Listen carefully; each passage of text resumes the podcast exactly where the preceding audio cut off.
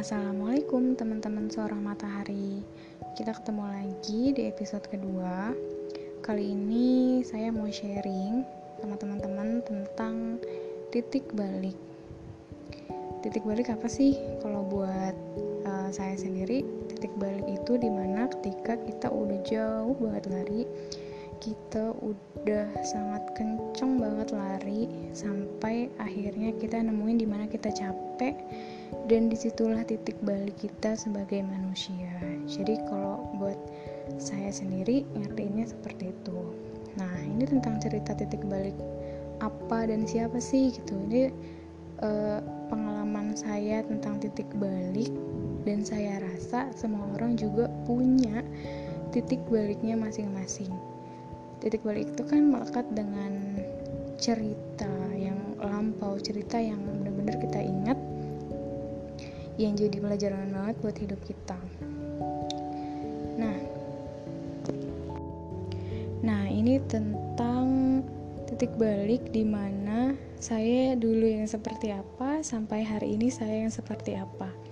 Jadi mungkin orang orang banyak teman-teman khususnya mungkin teman-teman yang di kampus maupun di luar kampus itu kenal saya maksudnya yang mereka yang baru kenal saya sejak kuliah mengenal saya itu sebagai anak perempuan yang berpakaian syari yang pakai rok, pakai kerudung panjang dan melekat image anak uh, lembaga dakwah kampus. Jadi uh, eh, FYI kalau teman-teman yang belum tahu LDK itu salah satu UKM kalau di sekolah itu eskul kayak rohis LDK itu salah satu UKM yang ada di setiap kampus hampir di setiap kampus di Indonesia itu ada lembaga dakwah kampus. Dan saya salah satu kader dari lembaga dakwah kampus. Jadi orang-orang biarpun jadi mindset mindset orang-orang ketika di kampus nih ada perempuan dia kerudung panjang pakai rok itu mindsetnya pasti oh ini anak LDK selalu kayak gitu. Orang tanpa perlu nanya eh uh, lu anak LDK ya nggak perlu nanya kayak gitu orang tuh udah tahu gitu. Jadi uh, uh, mindsetnya itu ya kerudung panjang tuh LDK gitu. Padahal kalau saya kilas balik bahkan kilas balik dulu ketika saya masih sekolah bahkan saya pernah pada titik di mana saya itu nggak suka sama anak rohis. Jadi dan sekarang malah jadi anak LDK anak LDK anak rohis gitu. Jadi ini uh, melalui proses yang sangat panjang di mana saya bisa sampai kecemplung di LDK gitu. Jadi um, pada saat saya sekolah pada saat saya sekolah saya itu termasuk siswa yang cukup sibuk gitu. Saya asik dengan dunia saya sendiri. Saya punya teman-teman yang rame teman-teman satu geng sih ya. Kalau SMA kan nggak geng gitu ya. Yang rame saya selalu ketawa saya selalu senang setiap hari. Saya juga aktif di organisasi. Uh, sibuk saya sekolah tuh. Maksudnya ya saya senang sama dunia saya pada saat sekolah gitu sibuk saya dengan dunia saya sendiri. Sampai uh, kesibukan kesibukan sendiri dengan dunia saya itu sampai bikin saya itu bisa dibilang jauh dari Allah itu jauh. Karena saya merasa merasa sendiri gitu. Apa sih tolak ukurnya jauh dari Allah? Saya nggak pernah sholat iya. Saya nggak pernah ngaji iya saya nggak pernah kajian apalagi kajian itu kajian-kajian uh, keislaman gitu kan. Baru saya ikut itu pas kuliah. Pas sekolah saya nggak pernah saya nggak nggak nggak suka sama kajian-kajian tuh. Di sekolah juga saya bukan termasuk siswa yang baik apalagi teladan. Saya juga nggak punya nilai akademik yang bagus malah cenderung jelek dibilang anak yang malas belajar juga. Bisa dibilang anak yang malas belajar. Pokoknya dengan dengan potensi akademik yang sama sekali nggak patut dibanggakan.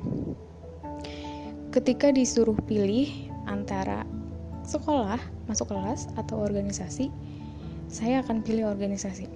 Kenapa?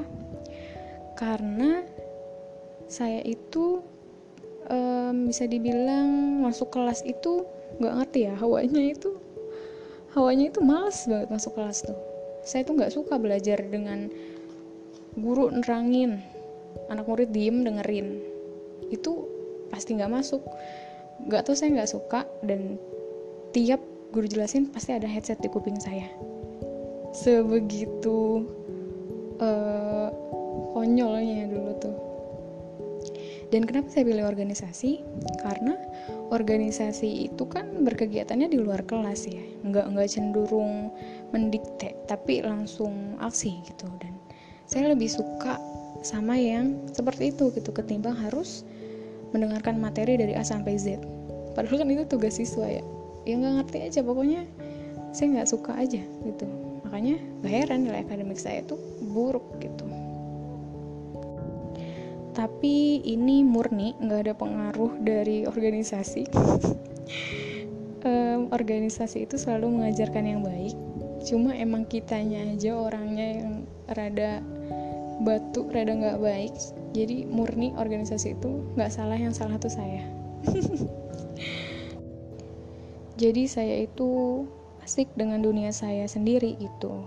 Nah terus emang gak diingetin dit sama orang tua tuh diingetin mah diingetin gitu ya namanya kewajiban orang tua kan ngingetin anak. Cuma balik lagi gitu ke anaknya masing-masing gitu apakah mau nerima atau enggak. Dan waktu itu saya inget banget saya itu tipe anak yang kalau dibilangin itu masuk kuping kanan keluar kuping kiri. Um, jadi kalau sampai bapak tuh sampai rada capek kali ya bilangin anaknya sholat dit sholat dit. Sampai pernah bapak saya tuh bilang dia sampai bilang kayak gini Dita Dita belajar ngaji nanti kalau bapak meninggal siapa yang ngajin bapak? Itu jujur nusuk cuma posisinya itu nusuk banget tuh kalimat itu. Cuma posisinya kayak ya nusuk hari itu tapi besok udah hilang. Ya ya ya biasa aja gitu. Maksudnya ya udah nanti nanti juga belajar gitu kan. Sampai sebegitunya gitu sebegitunya gitu saya di sekolah gitu. Bahkan puncaknya itu saya pernah ngerasain orang tua itu dipanggil ke sekolah. Cuma dengan berbagai macam alasan saya nggak akan sampai kapan pun saya nggak akan pernah mau ngasih surat panggilan orang tua itu ke orang tua saya. Itu itu hal paling gila. Selesai saya semuanya. Kalau sampai orang tua saya ke sekolah dengan keadaan saya punya masalah. Jadi itu punya cerita lain yang nggak patut saya ceritakan jadi sampai situ sebegitunya saya tuh di sekolah tuh bener-bener nggak banget gitu. Sampai pada akhirnya saya itu dikasih bertubi-tubi ujian. Bukan ujian sih gitu ya. Kadang kita itu harus ngaca gitu apakah ketika kita dikasih sesuatu yang gak enak sama Allah pikir lagi apakah itu ujian atau peringatan kalau kita sebagai manusia sebagai hamba sudah melakukan kewajiban dengan baik sudah taat sudah ibadahnya udah masya Allah menurut sama Allahnya udah banget oke okay, bisa dibilang itu sebagai ujian. Ujian orang yang beriman. Sedangkan kalau kita maaf kita taat aja enggak jauh dari Allah ngelakuin hal-hal yang dilarang sama Allah jangan pernah berpikiran itu ujian pikir itu adalah peringatan. Jadi emang ujian sama peringatan itu beda tipis. Dan waktu itu saya itu sadar kalau itu tuh sebuah peringatan. Tapi bodohnya ketika dikasih ujian bertubi-tubi satu dua kali itu masih masih nggak gubris gitu. Ya udahlah ntar juga selesai kan? Ya ya udah selesai gitu. Peringatan beberapa kali peringatan itu nggak dihiraukan. Peringatan yang ketiga tuh baru tuh berasa tuh. Di mana waktu itu saya kelas 3 SMA posisi saya dikasih sakit yang terus-terusan sama Allah. Sakit mulu. Padahal kalau saya berkaca dua tahun mundur pada saat kelas 1 kelas 2 saya hampir nggak pernah sakit tuh paling sakit-sakit ya masuk angin sakit-sakit biasa minum obat warung beres kan. Tapi pada saat kelas 3 SMA itu bener-bener saya dikasih sakit yang terus-terusan sama Allah. Puncaknya bukan puncaknya sih ya saya pernah dikasih sakit sama Allah itu saya sakit tumor. Jadi pasti kelas 3 SMA itu saya pernah punya tumor tumor masih jinak. Tumor jinak e, jumlahnya itu kalau nggak salah tuh ada tiga. Di tubuh saya tumbuh tumor tiga, tiga biji sekaligus di bagian yang tidak bisa saya sebutkan. Pas dikasih peringatan itu jujur masih belum masih belum apa ya belum belum bisa nerima gitu. Dalam hati tuh masih rada rada ngegerutu sama Allah tuh ya dari sekian gerutunya adalah dari sekian banyaknya manusia jutaan manusia di muka bumi ini kenapa saya? Itu yang ada di pikiran saya gitu. Ya kenapa saya gitu ya? Karena uh, pada saat saya uh, dikasih tumor itu otomatis kan saya akan mengeluarkan biaya besar. Orang tua saya akan mengeluarkan biaya besar. Sedangkan pada saat yang bersamaan saya harus masuk kuliah. Saya udah harus daftar bukan daftar mempersiapkan untuk kuliah. Karena sebelum uh, saya vonis tumor jadi bapak tuh pernah ngasih pilihan. Dita itu mau lanjut kuliah atau kerja? Bapak kasih dua pilihan. Saya sempat mikir tuh seharian saya mikir seharian. Sampai saya mikir masa ya hidup tuh mau kayak gini-gini aja gitu ya. Dibilang mau kerja saya belum mau kerja saya belum siap untuk kerja pada saat itu. Akhirnya saya memilih untuk kuliah. Sampai teman-teman saya itu semuanya tuh pada hampir nggak percaya saya mau kuliah. Kenapa hampir nggak percaya saya mau kuliah? Karena sekolah aja saya tuh rada nggak bener gitu ya belajarnya. Gimana mau kuliah? Sampai salah satu teman saya tuh bilang Dita kuliah itu nulis terus loh. Kamu kan malas nulis anaknya. Dita uh, kuliah itu uh, tanggung jawab sendiri loh. Kamu tuh nggak bisa nyontek gini gini gini gini. Inget banget tuh Rida. Rida kalau dengerin podcast ini Rida tuh pernah ngomong kayak gitu tuh. Rida masih inget banget Rida ngomong kayak gitu. Karena Rida itu tahu Rida itu anaknya males nulis. Dia tuh cuma seneng bantuin guru nulis di papan tulis tapi Dita nggak pernah seneng untuk nulis di buku bahkan sampai salah satu guru yang emang ya adalah yang rada sensi sama geng sama geng TI 1 rada sensi sampai mikir Allah anak kali anak kayak kalian mau kuliah. Sampai di kayak gituin ya Allah berasa bodoh banget nah akhirnya udah tuh saya putuskan untuk saya mau kuliah. Uh, Dita mau kuliah apa nah sedangkan kan biaya kuliah itu kan nggak murah ya. Uh, dan itu berbarengan ketika saya sakit uh, dikasih tumor berbarengan dong berbenturan.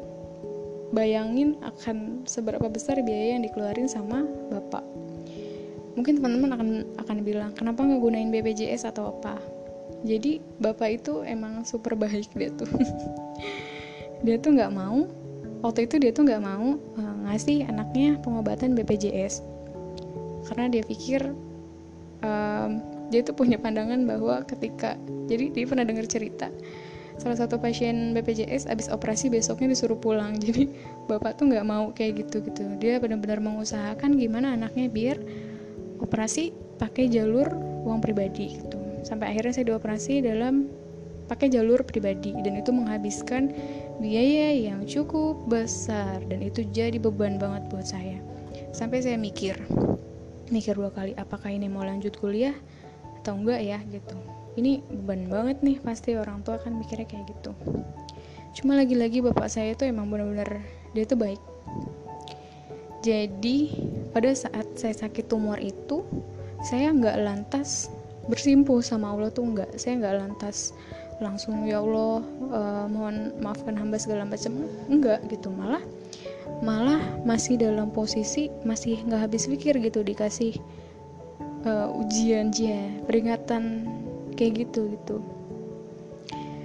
Mungkin kalau orang yang punya pikiran itu akan mendekatkan diri pada Allah tapi saya enggak cara saya untuk mengalihkan rasa sedih saya rasa rasa marah rasa benci saya adalah dengan baca buku bukunya Raditya Dika. Mungkin zaman zamannya buku Raditya Dika yang judulnya Kambing Jantan mungkin teman-teman ada yang pernah baca. Itu buku yang mengalihkan perhatian saya sama semua rasa marah saya. Inget banget tuh waktu itu. Waktu itu di rumah sakit saya ketawa-tawa sendiri baca buku itu. Padahal buku itu tuh sama sekali nggak bikin saya ketawa saya tuh cuma pengen lihat sikap yang biasa aja uh, ke orang tua saya biar nggak tambah membebani gitu. Jadi bener-bener bergulat sama rasa malah marah dengan pura-pura ketawa gitu. Padahal nggak ada yang lucu gitu. Nah udah tuh selesai kan tumor udah diangkat udah selesai udah beres operasi itu segala macem. Udah kan sembuh tuh ya dalam waktu beberapa minggu tuh sembuh iya beberapa minggu. Dan kemudian ditimpah lagi lah ditatu sama peringatan dari Allah. Peringatan apa? Um, setelah tumor berlalu cia setelah tumor berlalu datanglah sakit demam berdarah. Demam berdarah dem, uh, sakit demam berdarah di H-2 ujian nasional kebayang gak sih? Masya Allah itu bener-bener bener-bener rasa marah yang makin memuncak itu pas demam berdarah. Bayangin Hamin 2 ujian nasional. Kita udah persiapan ini namanya bocah-bocah mau ujian kan? Prepare-nya itu bisa dari sebulan sebulan yang sebelum sebulan sebelumnya kan? Ini di Hamin 2 saya harus demam berdarah. Duh itu bener-bener itu makin bikin saya marah banget marah bangetnya karena apa? Ya karena lagi-lagi orang tua saya itu harus mengeluarkan dana untuk saya di rumah sakit. Waktu itu saya masuk rumah sakit itu seminggu. Seminggu iya seminggu kalau nggak salah tuh seminggu. Di Hamin 2 ujian nasional. Itu benar-benar stres banget. Ada kejadian lucu. Jadi itu saya ujian nasional itu kan kalau lagi sakit biasanya uh, ujian susulan ya ikut ujian susulan atau uh, ngerjain soal di rumah sakit. Tapi pada saat itu saya nggak mau. Saya nggak mau ujian di rumah sakit ataupun ujian susulan. Anaknya batu. Jadi saya lebih milih untuk ke sekolah dengan bawa dengan bawa botol infusan dan perawat. Jadi saya itu ujian nasional di kelas dengan membawa infusan tiang infusan infusan sama perawat. Jadi perawat ngurusin tangan kiri saya yang diinfus perawat ngurusin infusan saya. Saya ngerjain soal. Inget banget waktu itu ujian nasional matematika. Saya itu kan emang nggak pandai banget berhitung. Saya tuh bodoh menghitung tuh saya nggak bisa menghitung. Pas ujian matematika ditambah lagi nggak belajar gitu. Ya ya sekarang gimana ya? Di saat kondisi lagi sakit kita diminta untuk belajar ya nggak akan masuk percuma. Saya belajar 15 menit pusingnya itu berjam-jam. Jadi pas saya mau buka buku pas malam sebelum ujian nasional itu nggak dibolehin sama dokternya nggak usah. Nggak usah. Jadi pas ujian nasional matematika itu tuh bener-bener jadi istilah matematika ngerjain yang mati-matian itu emang bener-bener kerasa banget. Bener-bener pusing banget. Sampai soal yang keberapa tuh saya tuh nggak sanggup ngerjain soal sampai uh, kan soal waktu itu tuh sampai 50-an kayaknya ya kalau nggak salah tuh ya. Nggak sanggup saya. Pada saat itu sempat lawak juga sih sama susternya gitu ya. Ya kebetulan susternya itu laki-laki perawat itu laki-laki. Saya bilang bang bang uh, lu ngerti gak ini? Kan bantuin gue daripada ngurusin daripada ngurusin infusan. Belum nih bantuin gue ya pusing gitu si perawatnya dia bilang uh, ya ya ya pasti dia bilang dia nggak ngerti. Terus dia bilang ya kalau emang udah nggak kuat ya jangan dipaksain. Kan aduh gimana ya nggak dipaksain gimana? Nggak dipaksain gue nggak lulus kan kan gitu. Nilai gue pasti hancur banget kan waktu itu. Itu sih apa ke sekolah harus bawa bawa infusan ya Allah. Temen-temen uh, pada nangis. Udah kayak cerita surat kecil untuk Tuhan. Padahal nggak sedrama itu aduh itu cerita lucunya tuh ya. Dan pada saat demam berdarah itu posisi saya tuh emang masih jauh dari Allah tuh dan memang belum sadar. Yang bikin saya sadar adalah ketika saya udah sembuh dari demam berdarah tapi saya punya badan itu masih lemah. Jadi saya itu pas beres sakit demam berdarah itu nggak bisa kena angin sedikit. Kena angin sedikit itu langsung muntah-muntah langsung langsung payah lah. Nggak nggak bisa capek sedikit tuh nggak bisa. Padahal padahal uh, sebelum-sebelumnya saya itu bahkan bisa lebih capek dari apa pun tapi ya biasa aja badan itu. Cuma waktu itu emang berasa tuh udah bener-bener badan tuh udah benar-benar gak kontrol banget. Sedikit-sedikit tuh pusing mual benar-benar payah banget lah. Sampai saya itu gergetan sendiri gitu gergetan gimana sih kayak uh, kalau emang nyatanya kayak gini badan kayak gini kenapa nggak sekalian diambil aja gitu ya? Kenapa nggak sekalian bahasanya tuh kenapa nggak sekalian meninggal aja gitu daripada sakit-sakit yang nggak nggak nggak kelar kelar kayak gini tuh capek gitu. Situ tuh sempat sempat sempat ngomong kayak gitu tuh dalam hati capek gitu sakit terus tuh capek gitu ya sampai akhirnya titik balik saya adalah pelan-pelan ketika saya menyadari apa yang kurang apa yang salah dari diri saya. Sampai akhirnya saya ingat oh mungkin karena gue nggak pernah sholat kali ya jadi gue tuh nggak ada tameng. Maksudnya gue tuh nggak pernah sholat nggak pernah ngaji gitu. Jadi ya ya gimana ya gimana Allah mau melindungi orang-orang yang nggak taat gitu? Taat aja enggak gimana mau dilindungin kan gitu. Mikir tuh dari situ tuh mulai mikir. Oh berarti gue harus balik nih. Maksudnya gue mau gue mau balik lah gue mau sholat lagi gue mau uh, taat lagi gue mau ngaji lagi segala macem. Tapi pada saat itu posisinya saya nggak ada wadah. Nggak ada. Saya bingung. Saya mau jadi baik saya ibaratnya saya mau tobat. Tapi uh, saya nggak nemuin wadah.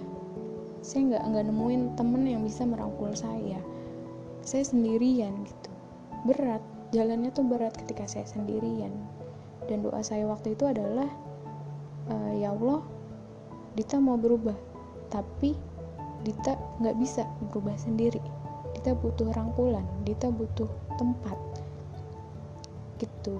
Jadi pikiran titik balik itu muncul ketika lama-lama tuh capek gitu. Lama-lama tuh capek dan berpikir emang Dita hidup mau kayak gini terus? Gitu ya. Emang Dita hidup mau ya mau senang terus? Kan nggak Dita harus mikir hidup itu mau dibawa ke mana kan hidup itu mau kayak gimana ke depan?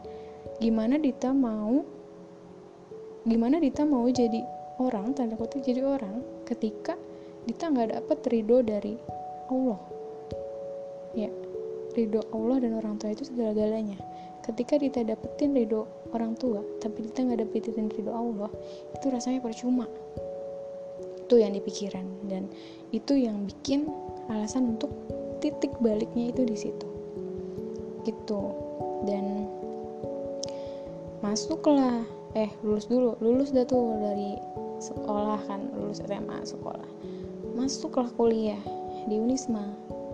Masuk kuliah di Unisma saya tuh inget banget saya itu dapat brosur LDK pertama kali saya baca UKM LDK lembaga dakwah kampus ya kan?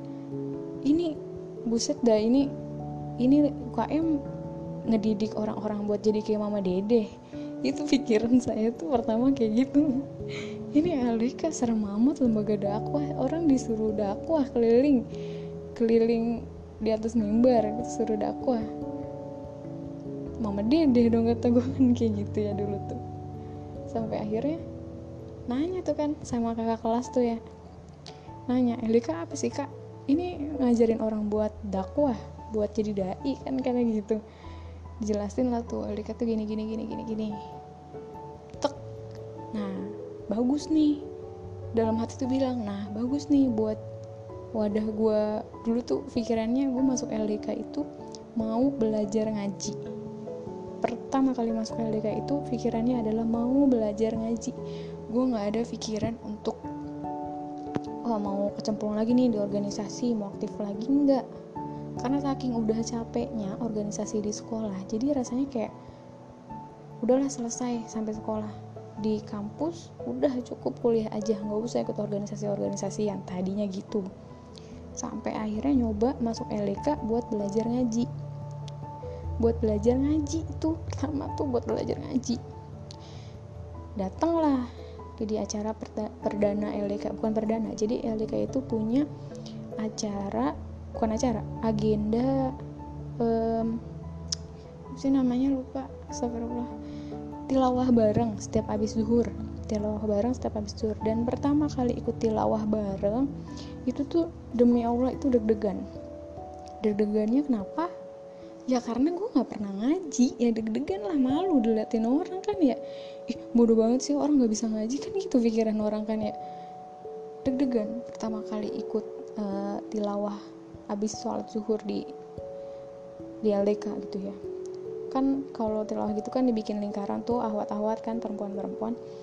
Tilawah uh, dua baris satu orang dua baris dua baris atau satu orang tiga baris kan kayak gitu. Sampai akhirnya tibalah giliran giliran gue kan.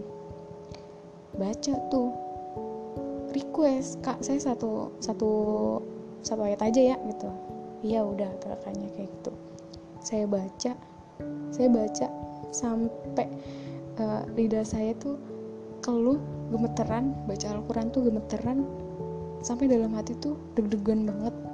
Sampai akhirnya itu bacaan Al-Quran tuh berantakan semua berantakan sampai teman saya itu bantuin. Teman saya itu bantuin saya untuk uh, baca bacaan yang benar itu kayak gimana. Selesai dari selesai dari tilawah jamaah Ba'da Zuhur itu pulang kan saya. Di jalan saya nangis. Di jalan saya nangis benar-benar malu. Pertama itu memang malu karena manusia. Kedua itu malu. Seterusnya itu malu karena Allah saya nggak bisa ngaji. Dan itu sedih banget saya bilang sama teman saya waktu itu. Sedih malu nggak bisa ngaji.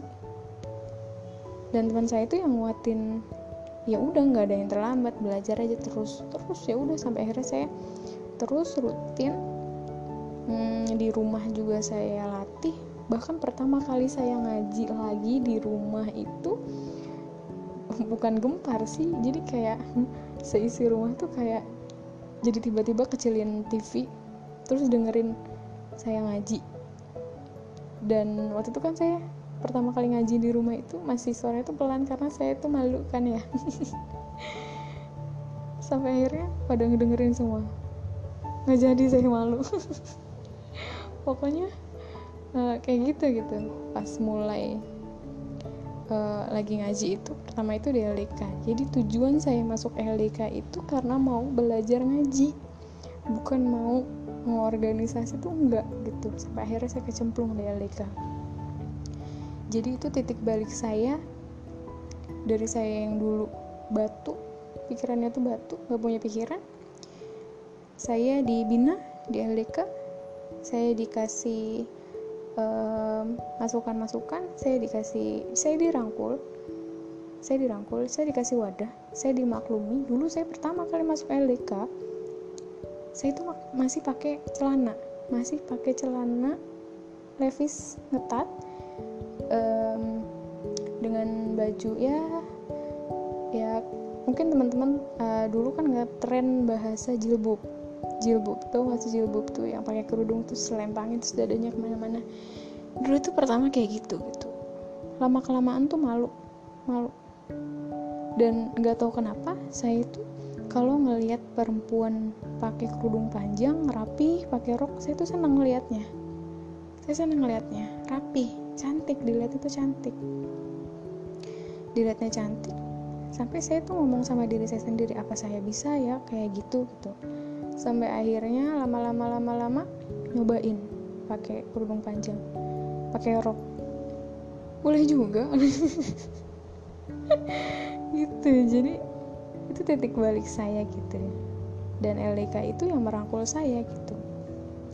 Jadi kalau misalkan hari ini banyak orang-orang yang gak tahu LDK yang gak suka sama LDK saya pernah di posisi kalian saya pernah di posisi kalian saya pernah di posisi kalian gak suka sama anak-anak LDK anak-anak rohis. Dan saya tahu alasan kalian kenapa gak suka sama anak-anak rohis anak-anak LDK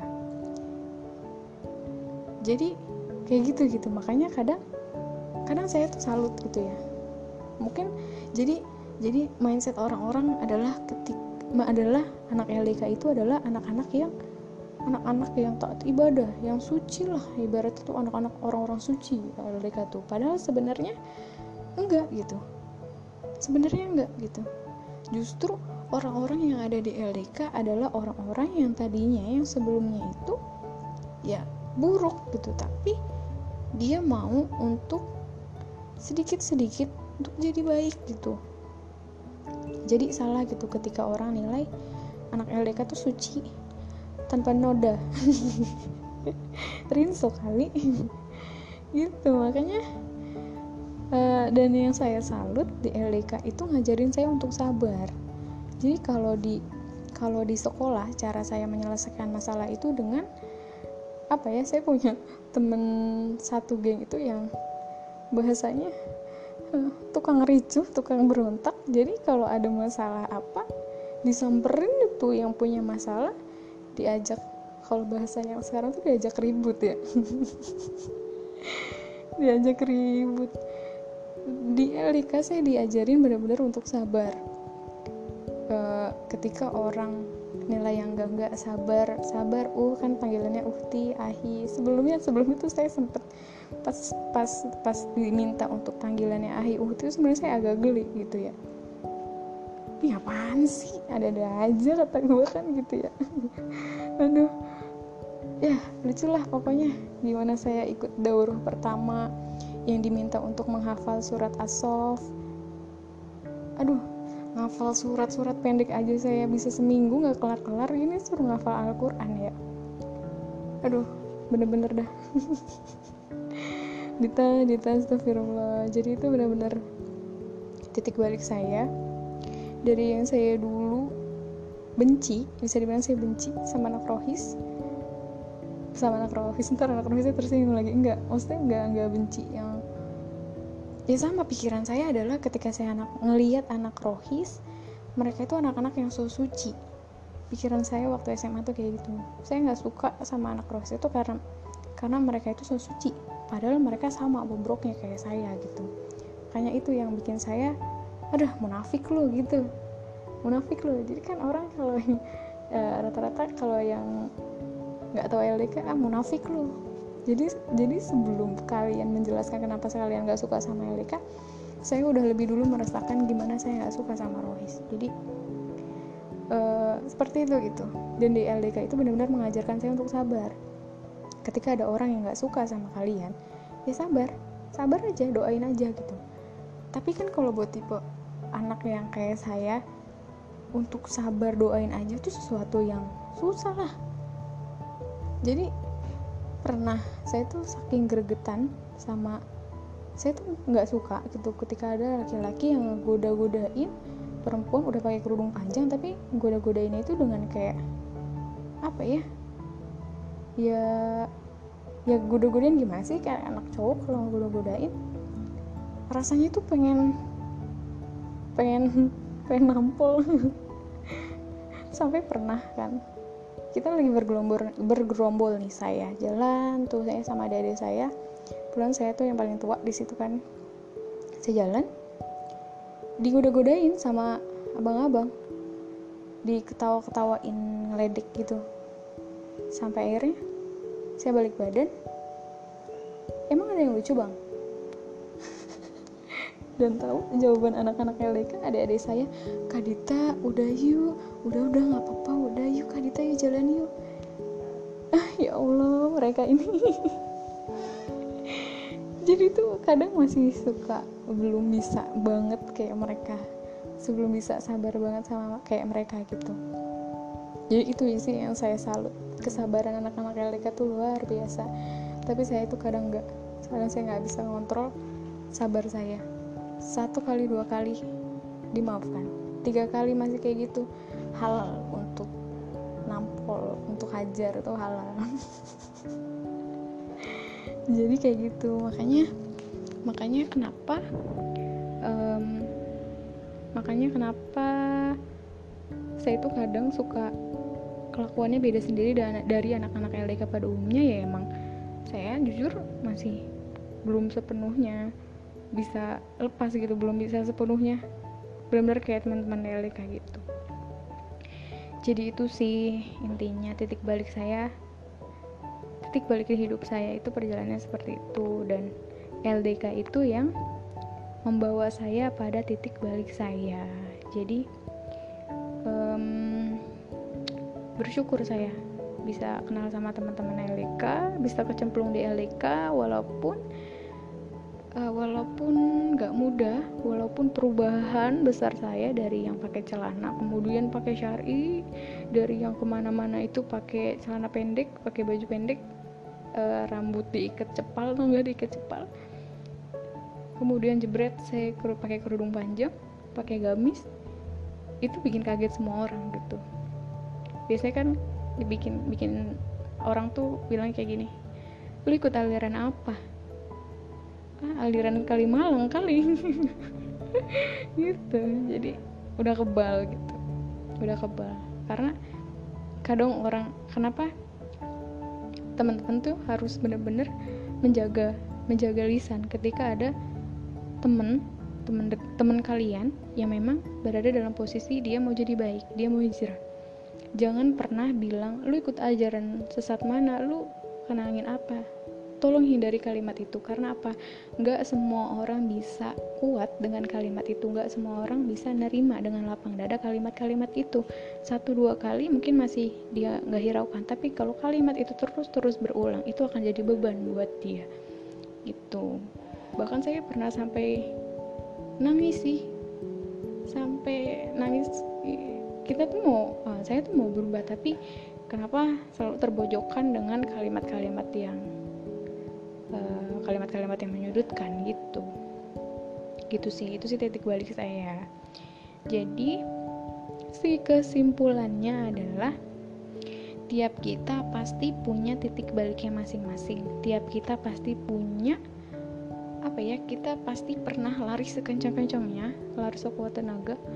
Kita pasti pernah ngerasain titik di mana kita capek dan di situlah titik balik kita. Ya karena karena nggak ada tempat lain yang menenangkan hati nggak ada tempat lain yang mengerti kita sepenuhnya selain balik sama Allah. Kayak gitu sih. Gitu. Jadi seperti itu teman-teman. Kenapa kadang kelakuan saya itu suka di luar batas normal anak LDK ya memang seperti itu. Jadi saya itu masih sangat butuh bimbingan jadi bener-bener jangan cap saya sebagai orang yang sudah baik sangat baik. Enggak. Saya masih belajar. Kita semua masih belajar untuk jadi hamba yang baik di mata Allah. Jadi kayak gitu sharingnya. Jadi kayak gitu sharingnya. Kita harus bisa membedakan mana ujian mana peringatan.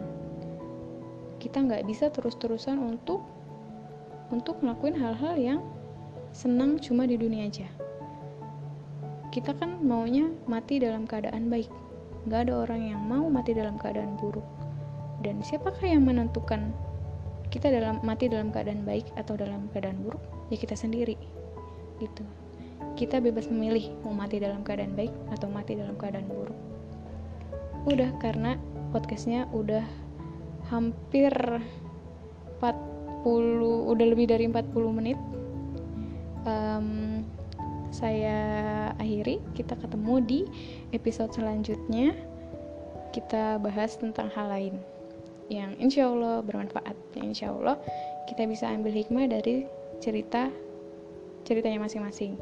Nah, untuk teman-teman yang mau kasih masukan, kritik atau mau hina-hina saya, boleh. Silahkan sampaikan hina-hinaan teman-teman, kritik-kritikan teman-teman, kirim ke eh, DM Instagram saya di @ditaasriani5 silahkan teman-teman untuk um, kalau mau cerita silahkan nanti kita bahas bareng-bareng. Sampai sini saya kira cukup. Terima kasih teman-teman yang udah mau mendengarkan podcast suara matahari episode kedua tentang titik balik. Kita ketemu di episode selanjutnya. Assalamualaikum